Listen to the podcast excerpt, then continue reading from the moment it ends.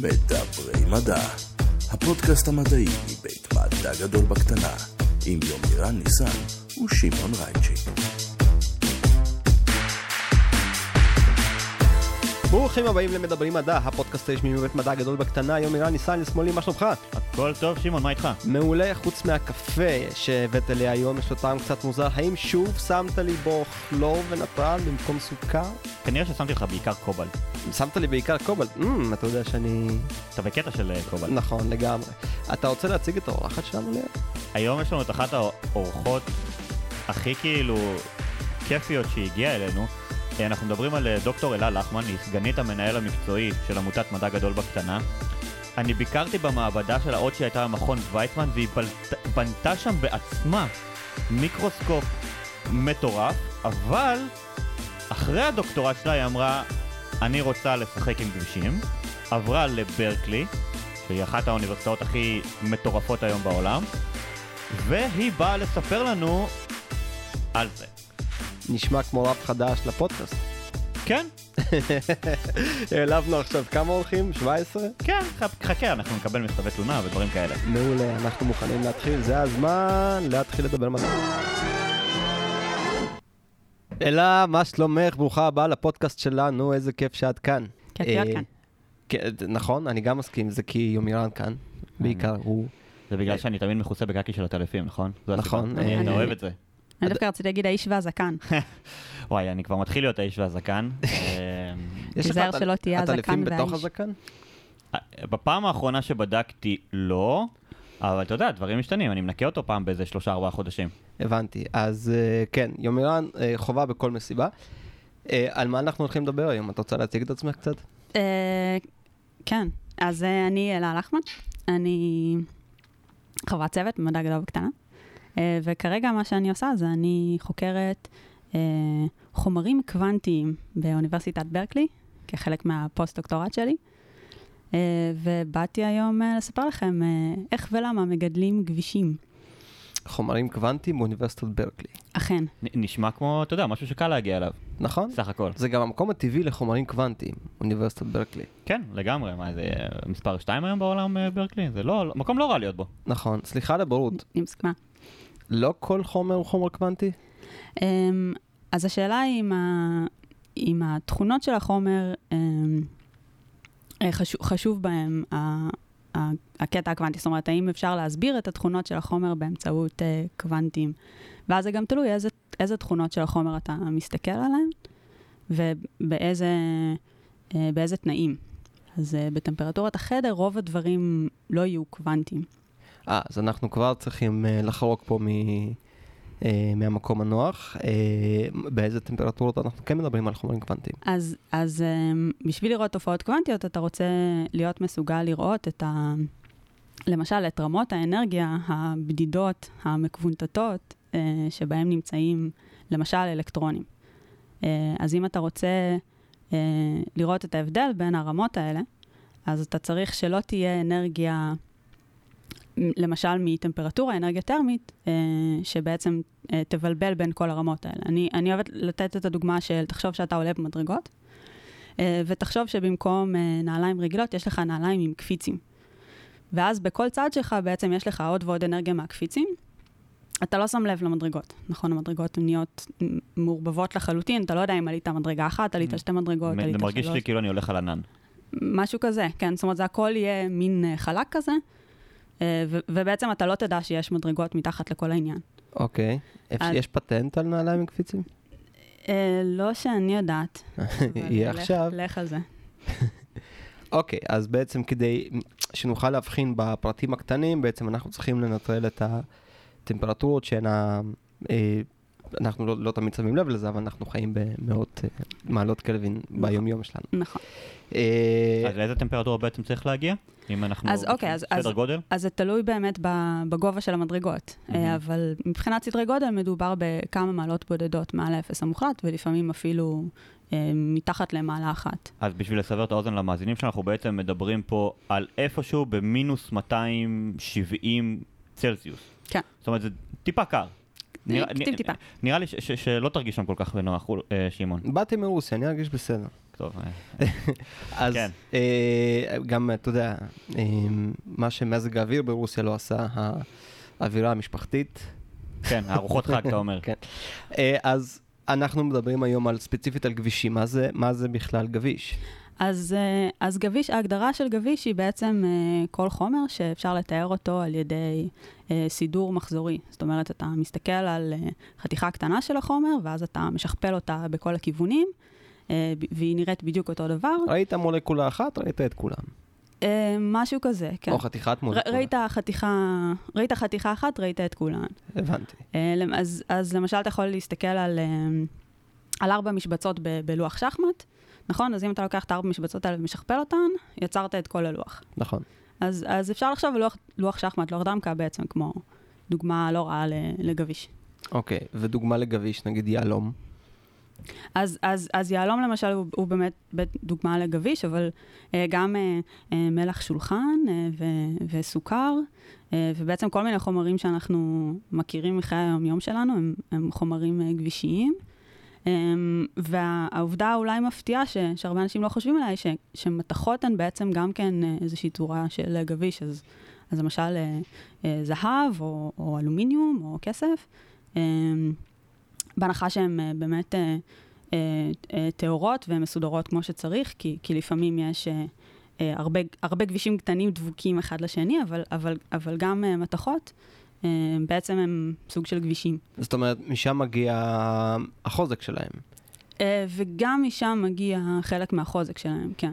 אבל, אבל שנייה רגע, במתכות טהורות, נגיד יסודות, כסף, זהב, אה, זה בעצם כאילו חזרה מחזורית של, של אותו אה, אטום כל הזמן. נכון. וזה גם עדיין עונה על ההגדרה של גביש, גם אם לא מעורבבים שם אה, כמה אה, יסודות אחרים. יסודות אחרים. כן, כן, כן, אוקיי. אה, לגמרי.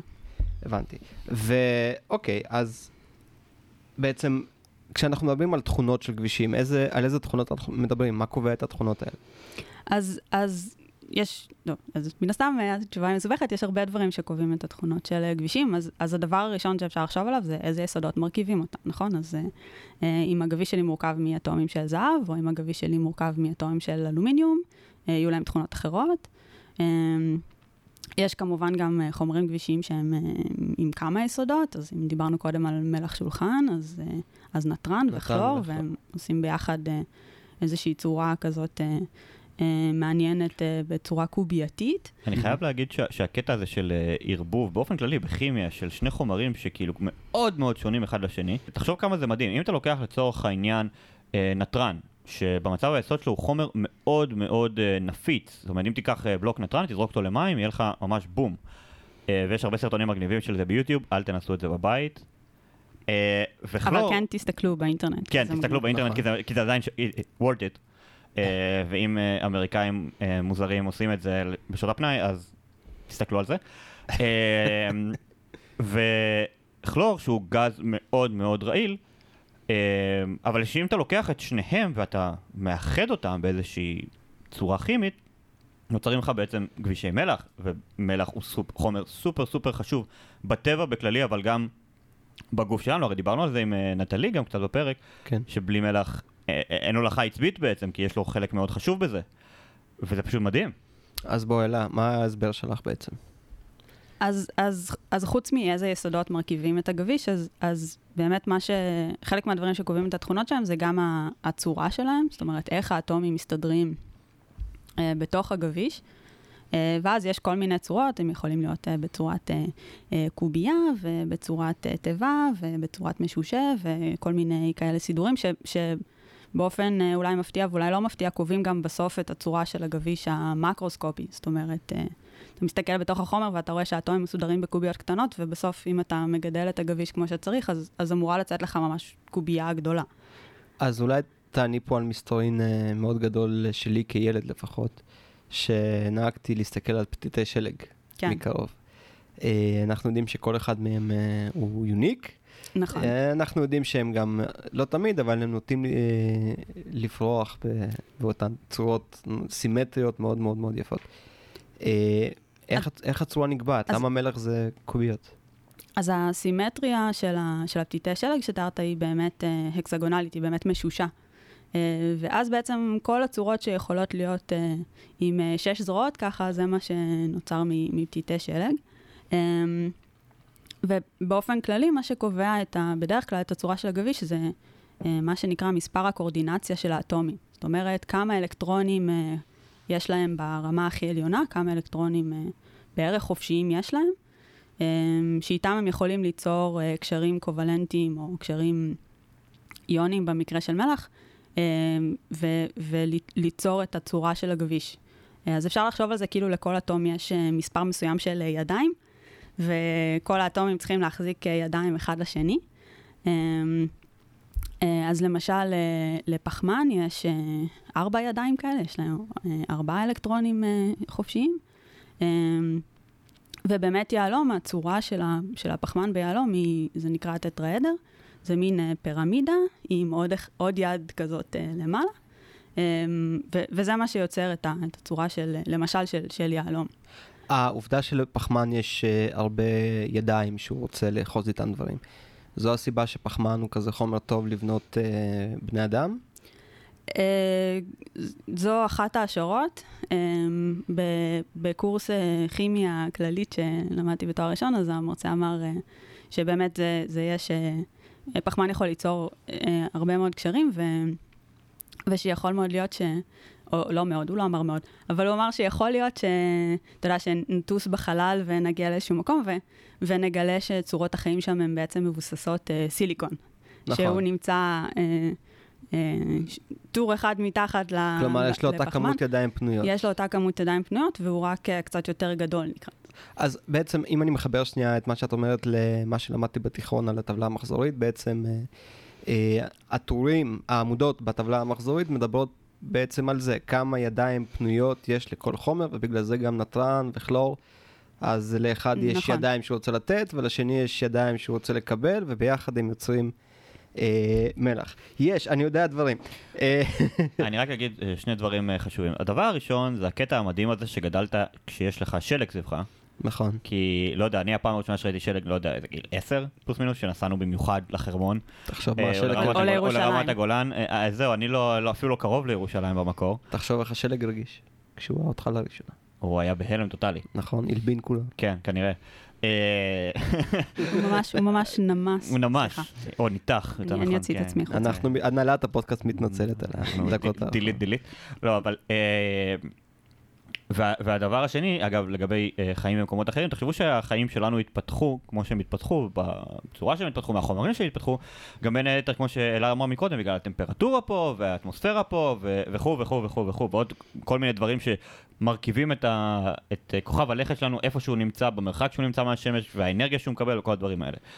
חיים במקומות אחרים, שמעתי גם על סיליקון, ושמעתי גם על אמו, אמוניה לדוגמה, זאת אומרת מבוסס אה, אה, חנקן, ושמעתי על אה, אה, אה, ארסן, ארסן שהוא גם אה, קרוב מאוד אה, בטבלה המחזורית לפוספט לדוגמה, שזה אה, אחד מאבני הבניין החשובות בחומצות גרעין. זאת אומרת, יש הרבה מאוד קומבינציות אפשריות מבחינה כימית. מה שמאפשר את הקטע הזה של חיים מבוססי פחמן, כמו שאנחנו מכירים אותם, זה גם הקטע של התנאים פה על, על הכוכב שלנו, מבחינת לח- שמתאימים כן. לסוג החומרים האלה. לסוג החומרים הזה, אה, שאגב יכול גם להיות שהוא, שהוא ייחודי בקיום שלו, כן? אנחנו כן. לא יודעים הרי מקום אחר שיש את זה. אה, חושבים לפחות. זה, זה דבר אחד. דבר שני, אה, מה שאנחנו מגדירים כאן כחיים יכול להיות ש- שיראה לנו אולי כמשהו חי במקום אחר, אבל הוא יהיה מבוסס עקרונות אה, אה, כימיים ופיזיקליים מאוד שונים ממה, ממה שאנחנו חווים פה, וזו נקודה מאוד חשובה בהקשר הספציפי הזה. אוקיי, אז כן, אז, אז אני רק רוצה, אה, בזמן שעמירן דיבר, אז, אז, אז נזכרתי ש, שבעצם אמרתי שלפחמן יש אה, ארבע ידיים והוא, והוא יוצר אה, אה, גביש שהוא, שהוא יהלום, אבל, אבל בעצם לפחמן יש עוד צורה שהיא היותר מוכרת ל, לרובנו, והיא הגרפית. ומה שקורה בגרפית בעצם זה שהפחמן נותן שלוש ידיים לכל הפחמנים לידו, והם בעצם יוצרים איזושהי שכבה דו-מימדית. ומה שקורה זה שהיד הרביעית היא נשארת ככה תלויה, ו... ו- ובמקום ליצור אה, איזשהו גביש מאוד מאוד חזק כמו, כמו יהלום, מה שיש זה מין אה, שכבות כאלה של, ה- של הגרפיט הזה, שנקראות אה, גרפן. ודיברנו על זה בהרחבה מאוד מאוד גדולה בפרק עם נועה, שבמקרה בגלל נפוטיזם אה, מאוד יפה, אה, זה ה- אלו האחיות לכמן ששתיהן דוקטוריות למקצועות מדעיים. כן. אז בעצם, אז, אז, אז, אז, ואז מה שקורה זה ש... ש אה, בגרפיט בעצם זה בגלל, זה, בגלל זה אנחנו משתמשים בו כ, כ, כעיפרון, או יכולים להשתמש בו כעיפרון, שאגב, נקרא עיפרון בגלל שחשבו שזה עופרת, וזה שם לא נכון לכלי הכתיבה הזה. אה, וואו, איך אני אוהב לגלות למה מילים נקראות ככה. ו- ושזה לא נכון, נכון. ושה- ושהמקור הוא טעות. Um, אז בעצם מה שקורה בגרפיט, כשאנחנו כותבים מהעיפרון, אנחנו מורחים את השכבות האלה, כי היד הזאת שנשארה למעלה, היא בעצם לא מחזיקה מספיק חזק את, ה- את השכבות האחרות, והשכבות יכולות ככה להימרח אחת, אחת מהשנייה על, על הנייר. כלומר, אנחנו סך הכל מדברים פה על אה, גיאומטריה. אנחנו מדברים על באיזה צורות אה, במרחב תלת-ממדי אפשר לחבר אה, חלקי לגו שיש להם אה, תופסנים קטנים שמוכנים אה, להיתפס. נכון. זה קשר קובלנטי. אה, אה, כן. ה- ה- ההבדל בין קשר קובלנטי לקשר יוני הוא, הוא מאוד פלואידי, זאת אומרת, זה תלוי. כש, כשאנחנו מדברים על קשר כימי, אנחנו בעצם אומרים שהאטומים חולקים את האלקטרונים שלהם אחד עם השני. אה, ואז השאלה היא איפה האלקטרון מבלה את רוב זמנו. אה, אז זה, וזה בעצם אה, איזושהי קשת, זה בעצם ספקטרום, שבצד האחד שלו יש את הקשר האיוני, שבו, שזה אומר שאם ניקח שוב את מלח השולחן, אז זה אומר שהאלקטרון מבלה את רוב הזמנו אה, על הכלור, ולא על הנוטרון. ו- ואם נחשוב על קשר קובלנטי, אז, אז זה איפשהו אה, באמצע, זאת אומרת, האלקטרון אה, אה, אוהב את אימא ואת אבא אה, במידה שווה. הבנתי. ומה שבעצם הופך גם יהלום ל- לחומר כל כך אה, קשה, הכי קשה בעצם בטבע, אה, זה שכל הקשרי אה, פחמן שלו בעצם מלאים בפחמנים אחרים. בניגוד להגיד לגרפ, לגרפן או לגרפית, כמו שאלה תיארה, וגם נועה לפני זה, אה, יש איזה אחד חופשי, והוא זה ש... זה, זה מדהים כמה כאילו מבחינה כימית, הצורת היקשרות של החומרים, אחד יוצרת אה, חומר רך שקל יחסית להשתמש בו ולעבוד איתו ול, ולעבד אותו, והוא מוליך חשמל. והוא מוליך חשמל, כן. והשני הוא חומר שמשתמשים בו אה, לחצוב. אה, או לחתוך, או לא יודע מה, או בתור כמובן אה, תכשיטים, אה, as is, אבל ויש עוד צורות כן, לפחמן. אבל משתמשים בו בצורה מאוד מאוד אגרסיבית, כי הוא כל כך קשה ומאפשר לעשות דברים באמת... את הדברים האגרסיביים ביותר שאנחנו צריכים לעשות, אנחנו נשתמש ביהלום. רגע, אבל דיברנו על עוד תכונות. למשל, הזכרת רגע מוליכות, ואנחנו יודעים שיהלום הוא מוליך חור מאוד מאוד טוב. נכון. מאיפה הדברים האלה מגיעים? אז, אמ, אז זה גם כן בעצם קשור אה, לצורה, ו, ו, וזה באמת קצת מתחבר למה שאמרתי קודם על, על הקשר הקובלנטי ועל, ועל הקשר היוני. אז אם אתה חושב על... אמ, אם אתה חושב על שני אטומים, אז, אז אפשר אה, לחשוב איפה האלקטרון מבלה את רוב זמנו, אבל, אבל אם באמת אה, אנחנו חוזרים לדבר על, אה, על מתכות, או, או אפילו לא רק על מתכות, אז אם כל האטומים הם אטומים של זהב, וכל האלקטרונים אה, אה, אוהבים להיות על, על אותם אטומים של זהב אה, באופן שווה, אז מה שקיבלנו בעצם זה, ש, זה שהאלקטרונים יכולים לנוע בחופשיות ל, לכל אורך הגביש. אמ, אז בחופשיות מסוימת, כן, כי אנחנו יודעים שיש התנגדות חשמלית ש, שנובעת מזה שהאלקטרונים לא, אה, לא זורמים בסבבה שלהם. אמ, אבל כן יש, אמ, אבל, אבל כן יש אלקטרונים שהם יכולים אה, לזוז לאן שהם רוצים אה, בגביש, ו, ו, ובעצם לכל גביש יש את, ה, את, את האלקטרונים, את, את, את המבנה הזה שקובע האם האלקטרונים יהיו אה, חופשיים לנוע, או שהם בעצם יהיו אה, מאוד ממוקמים מסביב, כל אחד מסביב לאטום משלו, ואז בעצם נקבל חומר שהוא, שהוא מבודד, או שהוא מוליך מאוד גרוע. אוקיי, אה, מעניין מאוד. וההולכת חום, סתם פשוט כי, כי אני יודע שזו תכונה כל כך בולטת של יהלומים, אז, עם אז המסת קרח שמישהו מחזיק ביד יהלום ופשוט חותך איתו. מה זאת אומרת? כאילו, את, אם אתה לוקח סתם יהלום, כאילו כזה... לא, ראיתי, ראיתי הדגמה של מישהו, לקחו יהלום סינתטי, דיסק, כן. דיסק של יהלום, ואתה יכול לחתוך איתו גוש קרח מאוד גדול, פשוט על ידי זה שאתה מחזיק אותו עם יד חמה. ההולכה מהיד שלך, אה, בקצה של היהלום, בקצה החותך שלו, נוצר אה, אה, זאת אומרת, החום היה שלך מגיע אליו כל כך טוב שהוא ממיס את הקרח כמעט מיד. אתה רוצה להגיד לי שאם אני לוקח יהלום שהוא בטמפרטורת, אה, אה, סתם דוגמה, יושב פה על השולחן, טמפרטורת החדר, לוקח אותו ביד שלי שהיא היא, נגיד 32-33 מעלות בפריפריה, מחזיק אותו, שם את זה מעל קרח והיד שלי, לא מעל קרח, לא מעל קרח, כאילו, אתה מתחיל לחתוך מתחיל לחתוך את כן, הקרח, אתה גם רואה במצלמה טרמית איך הגל אה, חום פשוט... אוי, זה אדיר, לא הכרתי את זה. הקור והחום כזה מתנגשים, ואז כל- החום מנצח. כן, ו- אה, ל- ליהלום יש אה, באמת אה, הולכת חום אה, מאוד טובה. זה, יש, יש קטע ב- בספר שאני מאוד אוהבת שנקרא הדוד טונגסטן, שאימא של, ה- של הסופר, כשהוא היה ילד, הוא מספר את זה, שהיא נותנת לו אה, אה, להרגיש יהלום ולשים אותו ככה על השפתיים, ש- שהן אה, חלק יחסית חם בפריפריה של הגוף שלנו. אה, והיא מסבירה לו ש, שהיהלום על השפתיים מרגיש מאוד מאוד קר, בגלל שיש לו אה, מוליכות חום מאוד טובה, ובעצם הוא ככה שואב את החום מה, מהאוויר, מהשפת, מהשפתיים. מהשפתיים, סליחה. כן. בקיצור, תאהבו יהלומים חבר'ה. אה, אז אנחנו מדברים עכשיו על בניית כבישים באופן מלאכותי. כן, נכון. אז, אז, אז אם נחזור לעיסוק שלי, אה, ש, שלשמו התכנסנו, אה, אז, אז בעצם במעבדה לחומרים קוונטיים, אנחנו מסתכלים על כל מיני מערכות אה, מעניינות ש, שיש להן איזשהן תכונות קוונטיות מעניינות. אה, ו, ובסופו של דבר, מה שרוצים לעשות זה, זה ליצור חומרים שהם, שהם קצת יותר מסובכים, זאת אומרת, אה, כבישים שעשויים מיותר מיסוד אחד. אה, ו- ואז מה שרוצים להשיג את החומר הזה, ו- ו- ומה שאנחנו עושים במעבדה שאני נמצאת בה, אנחנו בעצם אה, מגדלים את הכבישים האלה. אה, אז, אז אם אתם מכירים, רק שנייה לפני שאנחנו קופצים לג- לגידול של הכבישים, חשוב לי, אה, ל- מה שנקרא, לקחת שנייה צעד אחורה, אמרת תכונות קוונטיות מעניינות, אז חשוב לי כאילו לדעת שני דברים. דבר ראשון, מה זה מבחינתכם אה, תכונות קוונטיות מעניינות, וכמובן כאילו בהרחבה נשמח לשמוע על זה. והדבר השני, איך אני בוחר או מצביע, זה החומר, זה התרכובת שאני רוצה לייצר ממנה גביש, איך אני עכשיו בוחר ואיך אני עכשיו מתחיל לכיוון הזה של הגידול. אוקיי, אז, אז אה, טוב, אה, מאה, אה, עשרה יהודים מאה דעות, עשרה פיזיקאים, עשר, עשר דעות על, על מה זה מעניין. אני שואל אותך. אבל לא, סבבה. אז, אז בדיוק באתי להגיד שאני מתעניינת בחומרים שיש להם תכונות מגנטיות מעניינות. ואז, אז חלק מהחומרים שהם, שהם גם עכשיו קצת יחסית ב- בכותרות המדעיות, וגם אה, יש להם את השילוב הזה של, של תכונות אלקטרוניות ומגנטיות מעניינות, זה החומרים הטופולוגיים. אה, שזה אולי נושא קצת... אה, לא, לא, נת- בואי, בואי קצת תיכנסי כבד. טיפה. כן, כן, בטח. להיכנס טיפה, אחלה, אוקיי. זה מדע אז, גדול אה, בקטנה. אוי, לא. אה, השאלה היא כמה בקטנה אפשר אה, אפשר להגיד כזה דבר.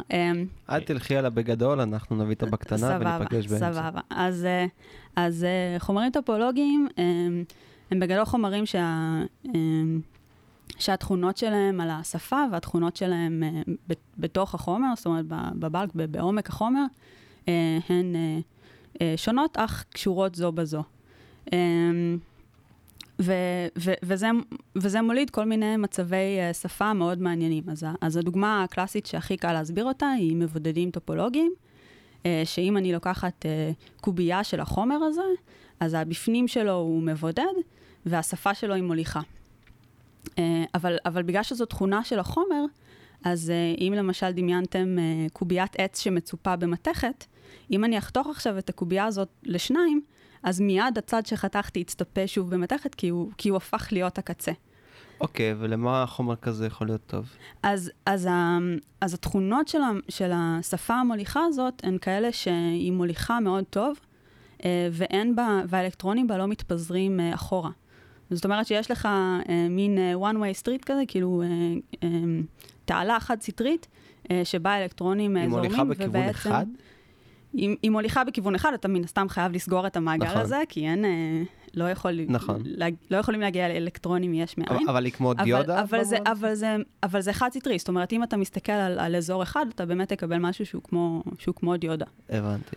אה, ו, ו, ואז זה בעצם סוג של, זה לא בדיוק, אבל זה סוג של אה, זרימה חשמלית בלי, בלי התנגדות. אנחנו מדברים, שני, ש- אה, בהמשך נראה לי שהיה נובל על זה לפני איזה שנתיים, אה, שלוש? נכון, ב-2016. נכון, זהו, משהו מוכר לי. קיבלו פרס נובל על... אה, והשאלה זה, האם זה קשור לכל התחום הבאמת רותח של מוליכי על, של הובלה ללא התנגדות, או בצורה הכי אידיאלית נקרא לזה. לא, אז, אז, אז התכונות של, ה, של המסלולים החד-סטריים האלה um, הן לא אותן תכונות של, של מוליכי על. Uh, אבל היתרון של החומרים האלה, שעל פניו, לפחות באופן uh, תיאורטי, um, הם יכולים להיות כאלה גם בטמפרטורת החדר. זאת אומרת, uh, זה יהיה as good as it gets בטמפרטורת החדר, ותוכל לבנות התקנים ש... שצורכים פחות אנרגיה. שלא צריך להשקיע הרבה אנרגיה כאילו בקירור שלהם כדי... או, ב- או בקירור שלהם, או שלא מאבדים את האנרגיה שאתה מכניס אליהם כדי להזרים את, ה- את הזרם. כן. שלא, שלא מאבדים אותה ל- להתנגדות חשמלית. אוקיי. אז, אה, אז הפעולות הקוונטיות האלה שאת מדברת עליהן בחומרים הטופולוגיים, מה, מה הפעולות האלה שמעניינים אותך? אז, אז, ה- אז, החומ, אז החומרים האלה יש, um, יש יחסי גומלין בין זרם חשמלי ו, ושדה מגנטי. Um, ובחומרים האלה, הקשר הזה הוא, מאוד מאוד חזק, זאת אומרת, uh, באמצעות, שדה, באמצעות הזרם החשמלי אפשר להשפיע על השדה המגנטי וההפך. Um, וזה פותח דלת, כמובן, בעתיד הרחוק, ואני חייבת להגיד שזה פחות העניין שלי בחומרים האלה, אבל, אבל בעתיד הרחוק אפשר באמת יהיה אה, להשתמש בהם אה, בהתקנים של אה, ספינטרוניקה, זאת אומרת שבהם במקום להשתמש במטען של האלקטרון כדי לציין 1 או 0, אה, משתמשים באיזשהו שדה מגנטי כדי לציין אה, 1 או 0, אבל, אבל בניגוד להארד דיסקים ישנים שיש, זה, זה יהיה ממש אה, אלקטרון אחד, ולכן זה יהיה אה, מאוד קטן וכולי וכולי. מדליק. אה, וואו, האמת, אה, זה אומר שנוכל לעשות אה, זיכרונות בגודל אה, ננומטרי.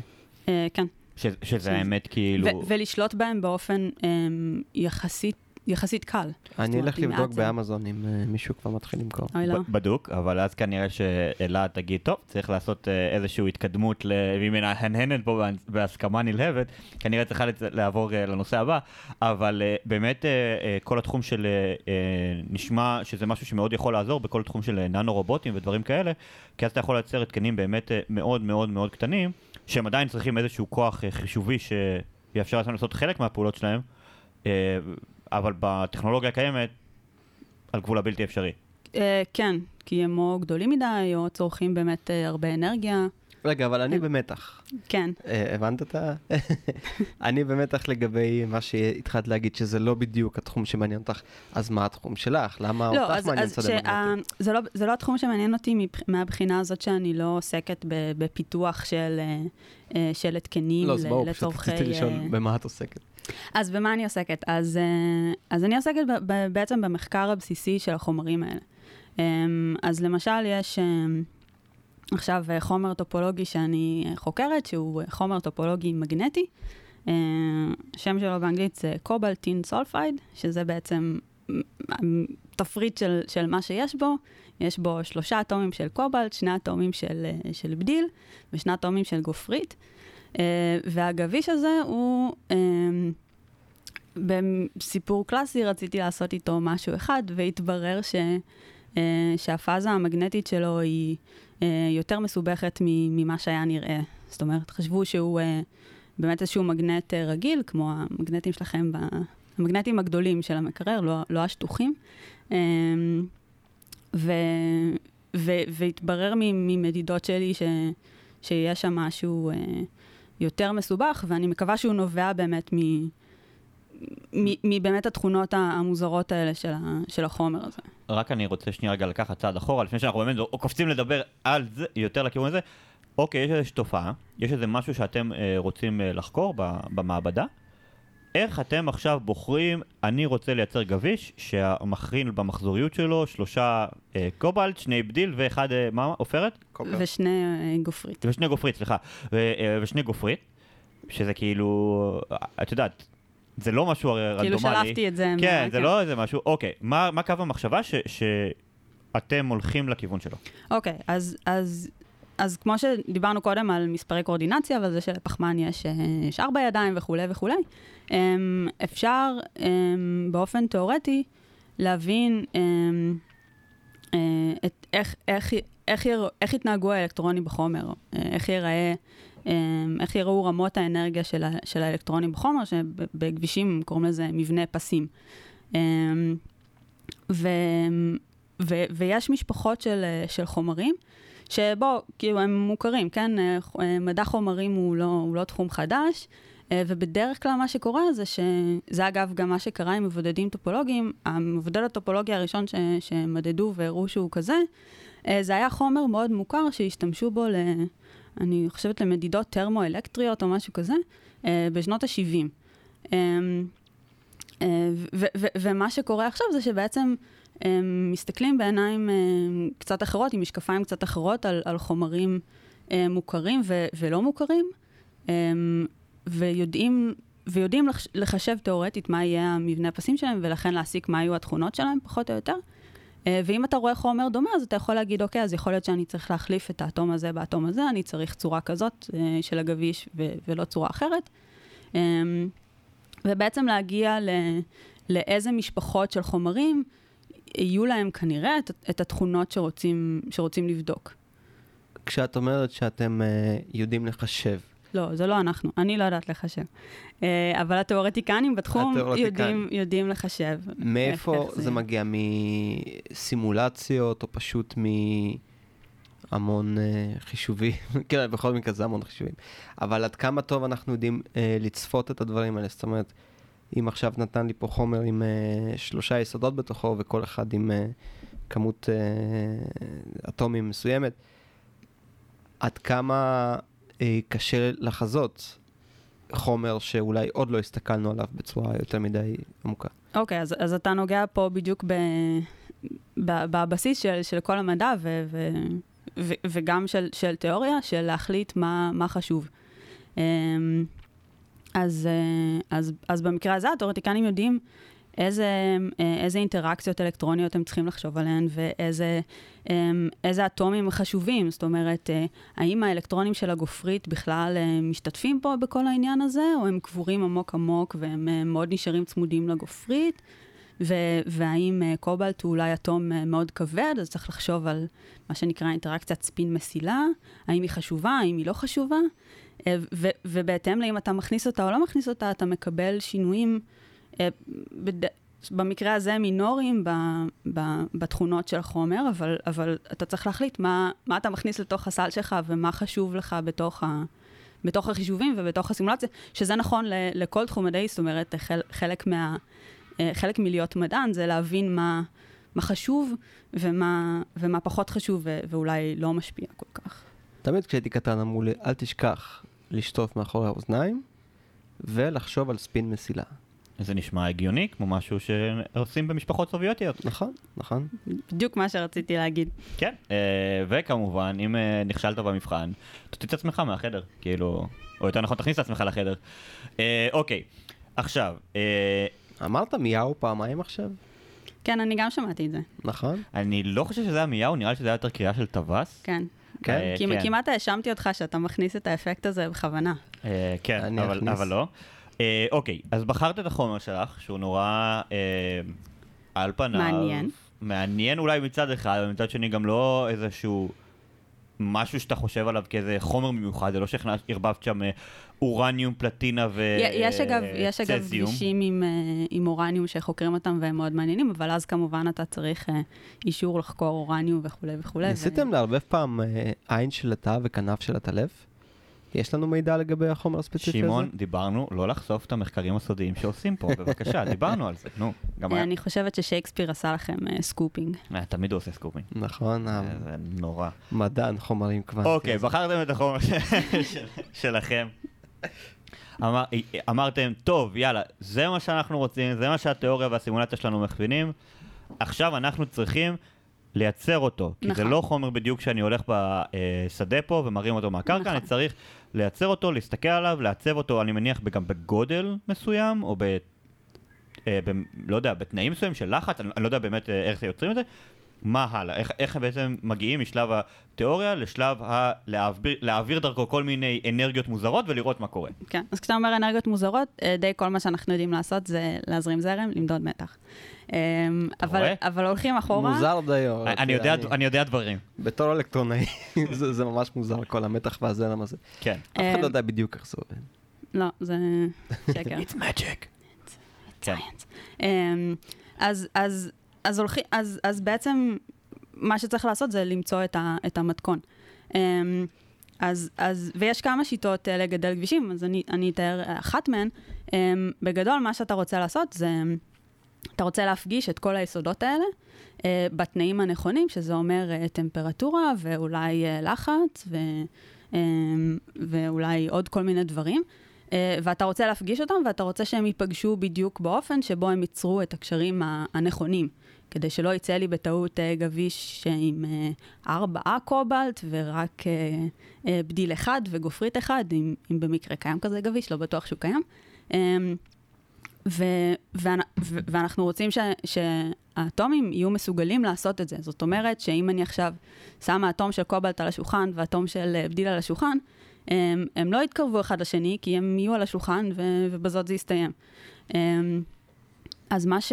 אז, אז אחת השיטות היא בעצם להעמיס את ה... את כל היסודות האלה אה, בתוך איזושהי פאזה נוזלית. אז במקרה הזה, בד... הבדיל עצמו אה, הוא מועמד מאוד טוב לזה.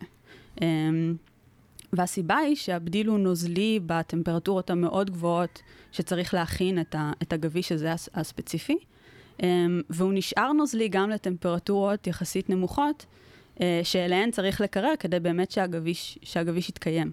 אז, אה, אז המתכון אה, בערך לעשות את, את לגדל קובלט אין סולפייד, זה פשוט לשים קובלט, בדיל וגופרית, בתוך, אנחנו שמים את זה בתוך אה, מין קעריות כאלה של, אה, של אלומינה, של תחמוצת אלומיניום, שהיא אה, אה, גם עמידה בטמפרטורות מאוד גבוהות וגם יחסית לא מגיבה עם חומרים אחרים.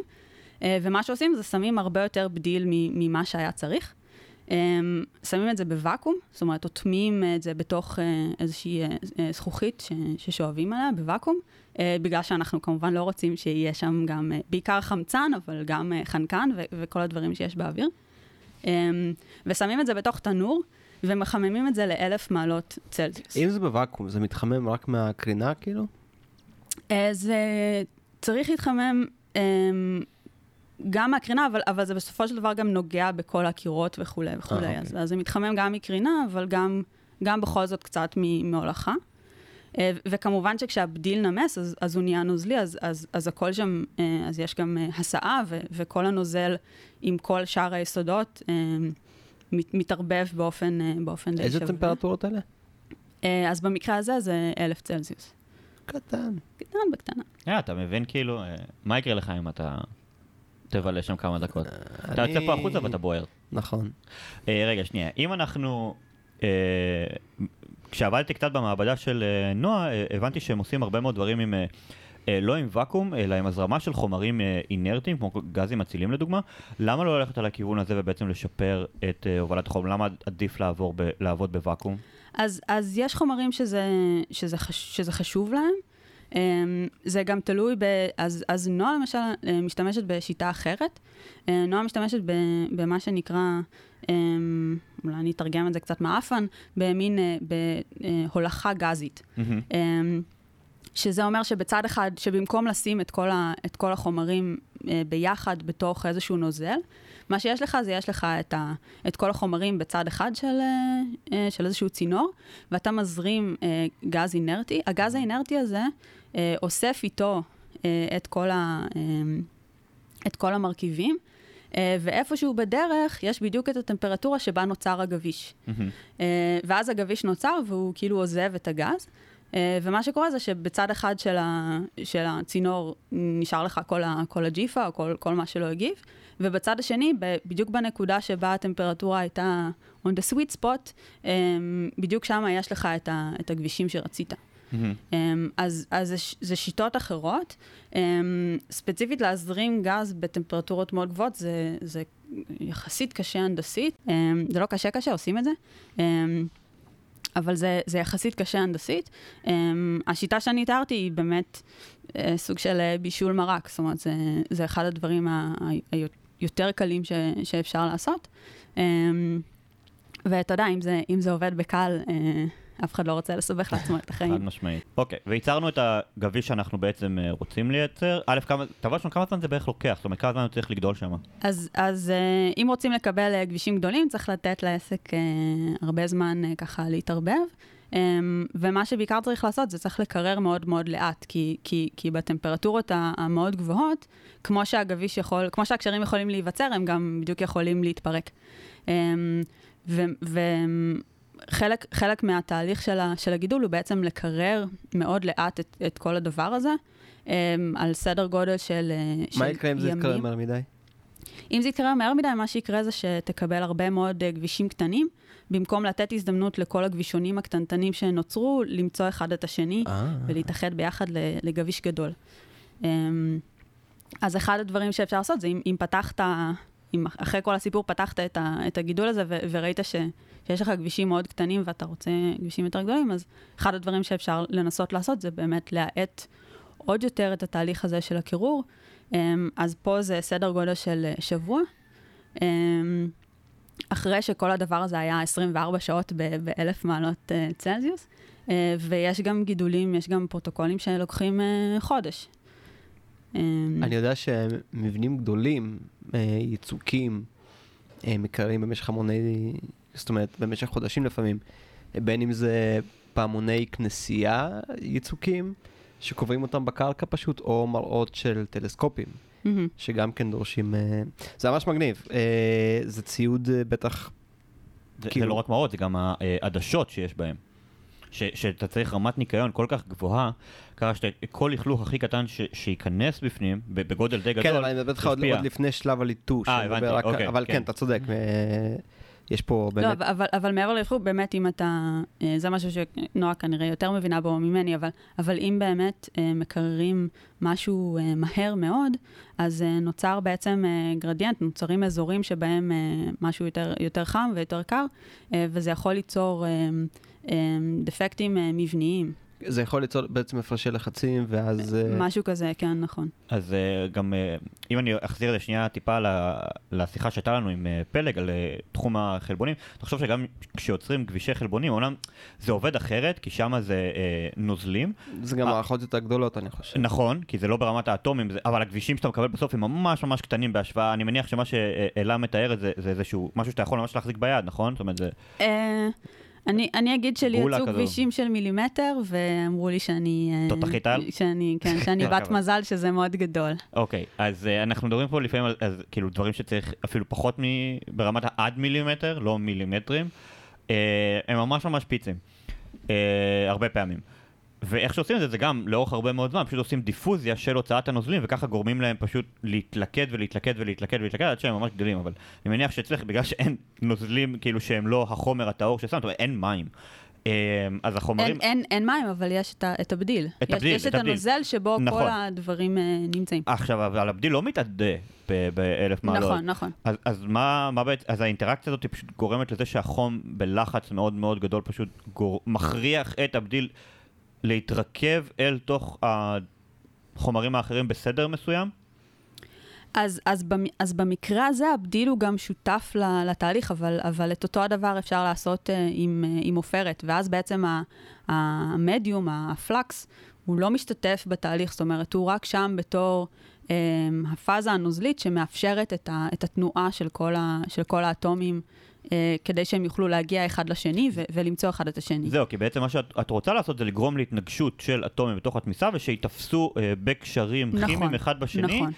ובגלל שהם כל הזמן זזים, הם ימצאו את התנוחה הכי נוחה להם, ובסופו של דבר יהיה לך איזשהו משהו מחזורי שיוצר את הגביש, אם אני מבין נכון. נכון, נכון, ו- ו- ו- ומה שנותן את ה... מה שעושה את התפקיד הזה במקרה הזה, זה, זה הטמפרטורה. אמ, ו- ו- ובאמת יש אה, אה, מה שנקרא אה, דיאגרמת פאזות, זאת אומרת בטמפרטורה ובלחץ מסוימים ובהרכב ראשוני מסוים של כל היסודות, אה, נוצרים כבישים שונים, או נוצרים אה, יחסים שונים בין, בין סוגים שונים של כבישים. הזכרת לחץ, אנחנו יודעים שיהלום אה, דורש המון המון זמן תחת לחץ מאוד גבוה, בגלל זה הם נוצרים המון באדמה, אה, מאוד עמוק באדמה. אה, מה, מה, מה קורה מבחינת לחץ במעבדה? איך מייצרים... אה, אז זאת אומרת, דיברת על ואקום, אז... נכון, אז, אז יש אפשרות uh, ליצור גם uh, um, לחץ בעצם, um, אז במקרה הפרימיטיבי זה באמת במקום לשאוב החוצה את כל, ה, את כל האוויר, uh, מכניסים אחר כך פנימה איזשהו uh, גז, בדרך כלל ארגון, כי זה באמת גז, uh, גז אינרטי.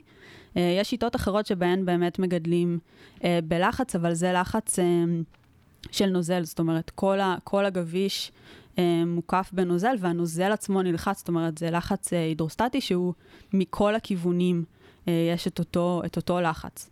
אה, וזה שוב דורש איזושהי מערכת. שהיא הנדסית יותר, אה, קצת יותר מסובכת.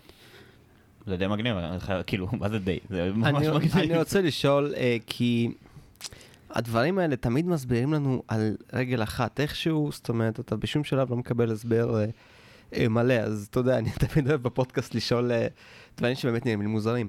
מה מונע מאותם אטומים, פשוט אם אני אשים אותם אחד ליד השני, ויש להם ידיים לתת, הם כאלה חברותיים, למה זה לא קורה פשוט לבד? זאת אומרת, מה קורה בטמפרטורה? תגדיר לבד. למה כששמים את האטומים האלה אחד ליד השני, סתם ככה, ונותנים להם קצת זמן ומוזיקה רומנטית, הם לא מייצרים את כל התכונות המגניבות האלה? למה אנחנו צריכים את הטמפרטורה הספציפית או את הלחץ הספציפי? מה מתרחש, זאת אומרת, א- א- איזה מין... אני, מה, מה אני מחפש לשאול פה בעצם? למה זה פחות קורה בטבע? לא למה זה פחות קורה בטבע, אנחנו, זה קורה בטבע כשיש תנאים מתאימים. בדיוק. מה כן. קורה בתנאים המתאימים שפתאום גורם לאטום... שלא היה מתאים שלא היה קודם. מתאים קודם. כן. אוקיי, אז, אז, אז לגבי טמפרטורה, אתה יודע, כשאני שמה קובלט בתוך, ה, אה, בתוך הכורית אה, אלומינה, אני שמה אבקה של קובלט, שבה כל ה... יש כדוריות קטנות של קובלט, אבל ברמה המיקרוסקופית, ואפילו הננו, הננוסקופ ברמה האטומית, ה- האטומים של הקובלט הם אה, חברים אחד של השני, והם מחזיקים ידיים אחד לשני. ומה שאני בעצם רוצה שיקרה עכשיו, זה שכל אטום של קובלט יעזוב את כל החברים שלו, וילך וימצא לעצמו אה, אטום בדיל ואטום אה, גופרית. אז בשביל זה אנחנו מחממים. בעצם נכון. אנחנו מחממים כדי שהאטומים שמרכיבים את הכבישים, כמו שהם באו מה- מאמזון, נכון, נכון. אה, יעזבו אחד את השני בעצם. נכון. ואז... כי, כי מה שאתה רוצה לעשות זה אתה רוצה לפרק קשרים קיימים וליצור קשרים חדשים. קשרים חדשים. אוקיי, ואז בעצם, עכשיו האטומים חמים, והם אה, זזים כי, כי יש להם יותר מדי אנרגיה מכדי נכון, לאחוז אחד את השני, נכון. ואז בתהליך הקירור, הקשרים מתחילים להיווצר? כן, כן. מה שקורה זה שבטמפרטורה הגבוהה שהגעת אליה, יש הרבה מאוד התנגשויות. אמ, וההתנגשויות הן כאלה ש, שיש להן אה, סיכוי טוב ליצור את ה, אה, בדיוק את מה שאתה רוצה. זאת אומרת, זה לא מספיק ששני האטומים ימצאו אחד את השני וייתנו ידיים, הם צריכים לתת ידיים בדיוק בזווית הנכונה, שכשהאטום השלישי יצטרף אליהם, אז זה יתחיל ליצור את הצורה הנכונה של הגביש.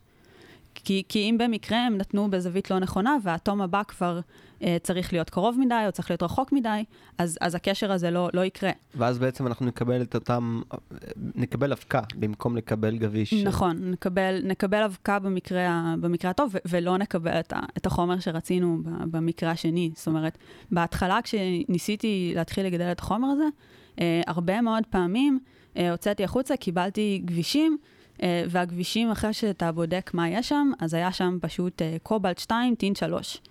וזהו, וזה היה גביש אחר לחלוטין, אה, שמן הסתם לא היה מה שרציתי. אה, שנוצר בגלל שהתנאים היו אופטימליים ליצור דווקא את הגביש הזה. יש הרבה ניסוי וטעייה בתחום שלך? אה, יש הרבה ניסוי וטעייה, זה קצת, אה, זה קצת בישול. אה, זה בישול עם... נשמע אה, יותר האמת כמו כמו אפייה, זאת אומרת, אתה צריך כאילו להיות על ה... כמו כן, שאמרת, על ה- כן, זה על יותר הנקודה. קונדיטוריה מאשר, כן. אה, בישול ממש. אה, אבל, אבל כן יש, אה, אתה יכול לעשות כל מיני ניחושים מושכלים בהתאם למה שאתה יודע. למשל, כמו שאמרתי, שאם אם יוצאים לך כבישים קטנים, אז אתה יכול להניח שאם תקרר לאורך יותר זמן, אז, אז תצליח ליצור כבישים. אני הייתי פשוט גדולים. מוסיף מלח ואוכל את זה ככה. קובלט זה רעיל. אה.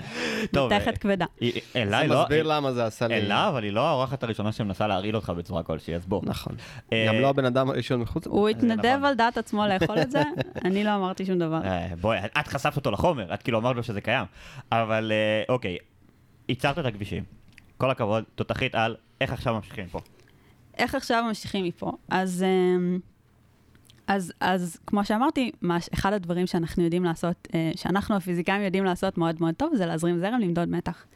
אמ, אז מה שעושים זה בעצם מחברים חוטים לכבישים האלה. אמ, זה, זה אחד הדברים הכי, הכי בנאליים שאתם יכולים לחשוב עליהם, לוקחים אה, חוטים דקים של אה, פלטינה, טובלים אותם בדבק מוליך ומדביקים על הגביש. אמ, ואם יש לך מספיק כאלה, אז אתה יכול אה, להזרים זרם ב- בחלק מהם ולמדוד מתח אה, בחלק אחר. אמ, ו- ואז בעצם בודקים את, ה- את, ה- את התכונות החשמליות של, ה- של הגביש הזה. זאת אומרת, אה, לוקחים אותו, ובגלל שאנחנו מדברים על חומרים קוונטיים, אז לוקחים אותו וטובלים אותו, ב- או מכניסים אותו לתוך אה, מקרר, שיודע לקרר לטמפרטורות אה, מאוד מאוד נמוכות. אמ, בדרך כלל גם מפעילים אה, שדה מגנטי חיצוני, ובודקים איך, אה, איך האלקטרונים מתנהגים, ו- כתלות ב- בשדה וכתלות בטמפרטורה. איזה מין מקרר צריך כדי לקרר לפחות ממעלת קלווין אחת? אז אה, לפחות ממעלת קלווין אחת, אה, תלוי כמה פחות אתה, אתה רוצה. שם זה, שם זה הקושי הגדול. אה, שם זה הקושי הגדול, אז בשביל לקרר לשליש קלווין, אפשר להשתמש באיזוטופ של הליום, שנקרא הליום 3, אה, שיש לו איזושהי, איזושהי פאזה שבה הוא, אה, הוא נוזלי והוא מתנזל, והוא בטמפרטורה של, אה, של אה, שליש, שליש מעלה אה, קלווין בערך. גם את זה בטח אתה יכול להזמין באמזון. נכון. אה, הליום 3, הייתה תקופה שהוא היה כל כך יקר שאי אפשר היה להשיג אותו בכלל, בכלל, בכלל, כי, משתמש, כי בגלל שהוא איזוטופ, אה, משתמשים בו כדי לגלות אה, אה, רדיואקטיביות. והייתה תקופה לפני שלוש שנים, אני חושבת, משהו כזה, אה, שהליום 3 היה כל כך, כל כך, כל כך יקר, ואי אפשר היה להשיג אותו כי. האמריקאים ממש אה, גם קנו הכל וגם אסרו על, אה, על אנשים אחרים אה, לקנות אותו. וזה הגיע למצב שזה היה מחיר אסטרונומי ל- לליטר של, של גז בטמפרטורת החדר, שזה, שזה כאילו כלום. זה שאיזוטופ אומר שהוא פולט קרינה? זאת אומרת, לא, אבל זה אומר ש, אה, שאתה יכול בצד. לזהות, כן, Mm. שהוא, שאם פתאום הוא קולט אה, ניוטרון, אז, אז אתה יכול, אה, קול- קולט ניוטרון או פולט ניוטרון, אז אתה יכול ככה לגלות. אני לא, לא מומחית לקרינה רדיואקטיבית, אז אני לא יודעת להגיד בדיוק. אוקיי, ובואי, אה, אז העברתם את המתח. עכשיו, אני מעביר מתח, איך אני רואה תופעות ברמה הקוונטית? זאת אומרת, מה, מה הדברים שאתה רואה מהצד השני, נקרא לזה ככה? Um, אז, אז בסופו של דבר, מה שאתה רואה זה את ההתנהגות של האלקטרונים, um, וחלק מזה, איך רואים את? הכוונה באיזה כלים צריך להשתמש כדי לראות התנהגות של אלקטרונים בגביש כל כך קטן שהוא גודל של מילימטרים. זו הכוונה שלי. אז, אז, אז דווקא גודל של מילימטרים נחשב, um, ענק בקוונטים. נחשב משהו מקרוסקופי, כן? כאילו, uh, uh, יש לך מספר אבוגדרו של, uh, של אטומים ומספר אבוגדרו של אלקטרונים. Um, אבל, אבל בגדול זה, זה, בסופו של דבר זה מאוד לא סקסי. Uh, אתה, אתה פשוט מודד את המתח um, על הגביש כפונקציה של, um, למשל, הטמפרטורה. אז למשל, הגביש הזה הוא, הוא מגנטי, uh, ורואים שאם מודדים את ההתנגדות בזמן שמקררים אותו, יש פתאום איזושהי מדרגה, uh, בדיוק בטמפרטורה שהוא הופך להיות מגנטי. Um, ו- והסיבה לזה היא שהאלקטרונים מושפעים בסופו של דבר מהשדה המגנטי שנמצא בתוך הגביש. Um, זאת אומרת, אתם מקבלים עדות, זאת אומרת, אתם מודדים משהו אחד, מקבלים עדות, אה, נקרא לזה חיצונית סטייל של אם יש רוח העצים זזים, אה, שמעידים על איזושהי תופעה אה, מוכרת. כן, כן. Um, אז, אז במקרה הזה זה באמת, הט- הטמפרטורה הזאת הייתה ידועה, זאת אומרת, ציפ, ציפיתי לראות משהו בטמפרטורה הזאת, ולכן הנחתי ש, שזה מה שקורה. Um, uh, בשביל למדוד תכונות מגנטיות, אפשר גם לעשות מדידות שהן מדידות מגנטיות uh, על הגביש, um, עם איזשהו uh, uh, חיישן מגנטי, uh, ואז מה שרואים, באמת, זה רואים שהחומר uh, נהפך פתאום למגנטי בטמפרטורה הזאת. אה, ואז אפשר לחבר את זה באמת להתנהגות של האלקטרונים ולהבין שזה, שזה כתוצאה מזה. אפשר גם להפציץ את הגביש בדברים. נכון, אפשר גם להפציץ את הגביש בדברים, בדרך כלל מפציצים אה, אני אה, תמיד בעד להפציץ דברים. כהכנה, זה זה אחלה פתרון כאילו למלא דברים. לא, יודע. להפציץ או לפוצץ. לא, להפציץ. אני מדבר על אה, תותח אה, כן. ניוטרונים. כן. כן. אז, אז, אז אפשר באמת אה, אה, לראות נוטרונים על, ה, על הגביש ולראות איך הם, אה, איך הם מושפעים מהשדה המגנטי אה, בגביש. אה, אפשר לראות אה, אה, קרני רנטגן על הגביש ולהבין מזה את, ה, את המבנה הגבישי שלו. מהמם. אה, למשל, הדרך שבה זיהיתי ש, שמה שקיבלתי לא היו הגבישים שרציתי, אה, כמעט בכל מעבדה שמגדלת גבישים, אה, יש איזשהו אה, מכשיר ש, ש, שמזהה איזה גביש זה, אז, אז, אז במקרה שלנו, מה שיש לנו זה אה, באמת מכשיר אה, אקס-ריי, מכשיר קרינת רנטגן, אה, שיורה קרני רנטגן על ה, אה, במקרה הזה על, על אבקה של הכבישים, אה, וכתות, ולפי הזווית שבה מקבלים אה, עוצמה כזאת או אחרת, אפשר להשוות ל... אה, לנתונים יודעים, ו- ולראות שזה, שזה א', לא מה שרציתי לקבל, וב', לנסות לחפש למה זה, למה זה כן מתאים, מין, אה, מין מסדר זיהוי כזה של בוא נראה מה זה, מה זה הגביש הזה ואיזה גביש קיבלתי. הסיבה גם שמשתמשים בקרני X זה בגלל שאורך הגל שלהם מתאים בדיוק לעבור במרחק שבין האטומים השונים. למה הכוונה? אה, מרחק בין אה, אה, שני אטומים לרוב במולקולות הוא בערך באזור האנגסטרים, אם אני זוכר נכון, שזה 10 בחזקת מינוס ה-10 המטר. אה, זאת אומרת, זה ממש ממש ממש קטן, זה עוד מתחת לננו, זה סדר גודל פחות מננו.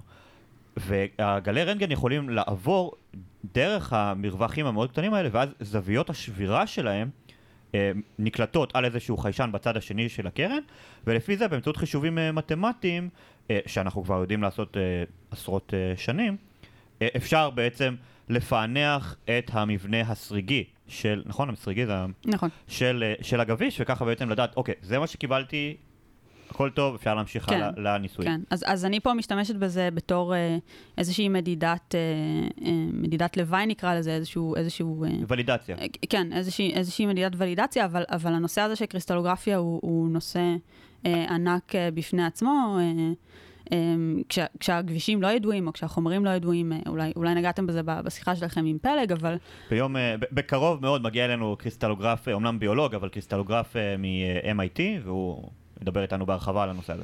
אז, אה, אז, אז יש ממש, אה, אה, יש הרבה מאוד מדע בעניין הזה. אנחנו דיברנו כל הפרק אה, במשך שעה, בלי לשים לב, על אה, חלקיקים, על אה, חלקיקים אה, תת-אטומיים, אבל אה, לא נגענו יותר מדי באספקט הקוונטי של העניין, ששם הדברים נהיים ממש מוזרים. אה, דיברת מקודם על טמפרטורות מאוד נמוכות, ועל... קצת לפני הפודקאסט דיברנו על מצבי צבירה מוזרים. אה, לסיום, כדי ככה לטבל את זה, את כל הפודקאסט, את הפרק הזה בקצת אה, נתרן וכלור. מה, מה גילית ברמה הקוונטית על נכון. הגביש? אוקיי, אז, אז, אז האמת ש, שהגביש הזה ספציפית, אמ, אמ, ה- הגילוי היה יותר על, ה, על התכונות המגנטיות שלו. אמ, אבל אה, אם אתה רוצה לעשות איזשהו אה, סיום טיזרי קוונטי מעניין, אז אני אספר לכם על אה, ניסויים ש, שאנחנו עושים על כבישים ב, בלוס אלמוס. אה, יש שם אה, מעבדה של אה, שדות מגנטיים גבוהים. אמ, ובשדות מגנטיים גבוהים, אם מזרימים זרם אה, של אלקטרונים, מה שקורה זה שהשדה המגנטי מסיט אותם, אה, שזה קורה בכל שדה מגנטי, אבל אה, בשדות מגנטיים מאוד מאוד גבוהים, אה, האלקטרונים מוסטים ובעצם אה, אה, מקיפים את עצמם במעגל, זאת אומרת, הם עושים איזשהו אה, מעגל. אה, ולפי המעגלים שהאלקטרונים אה, עושים בשדות מגנטיים שונים, זאת אומרת, לפי אה, איזה שדה גורם לאלקטרון לסגור את המעגל, אמ, אפשר להבין הרבה מאוד דברים על, ה, על מבנה הפסים, על, על רמות האנרגיה הקוונטיות של החומר. אמ, ולמשל, זה משהו שעושים, אם באמת רוצים לחקור איך, אה, אמ, איך נראה מבנה הפסים. זאת אומרת, התיאורטיקנים, אה, כבודם במקומם מונח, אבל, אבל הם לא תמיד צודקים, כי יכול להיות שהם לא התחשבו במשהו חשוב, או, או התחשבו במשהו שהוא, שהוא לא חשוב. אמ, למרות שזה לא היה עושה, אה, לא משנה. אה, אפשר להתחשב בדברים לא חשובים, זה רק נכון. סתם עושה לך עבודה. אה, ו- ו- ואז לוקחים את, ה- את הכבישים האלה, אה, ושוב, מזרימים זרם, מודדים מתח, אה, אבל בשדות מגנטיים מאוד מאוד גבוהים.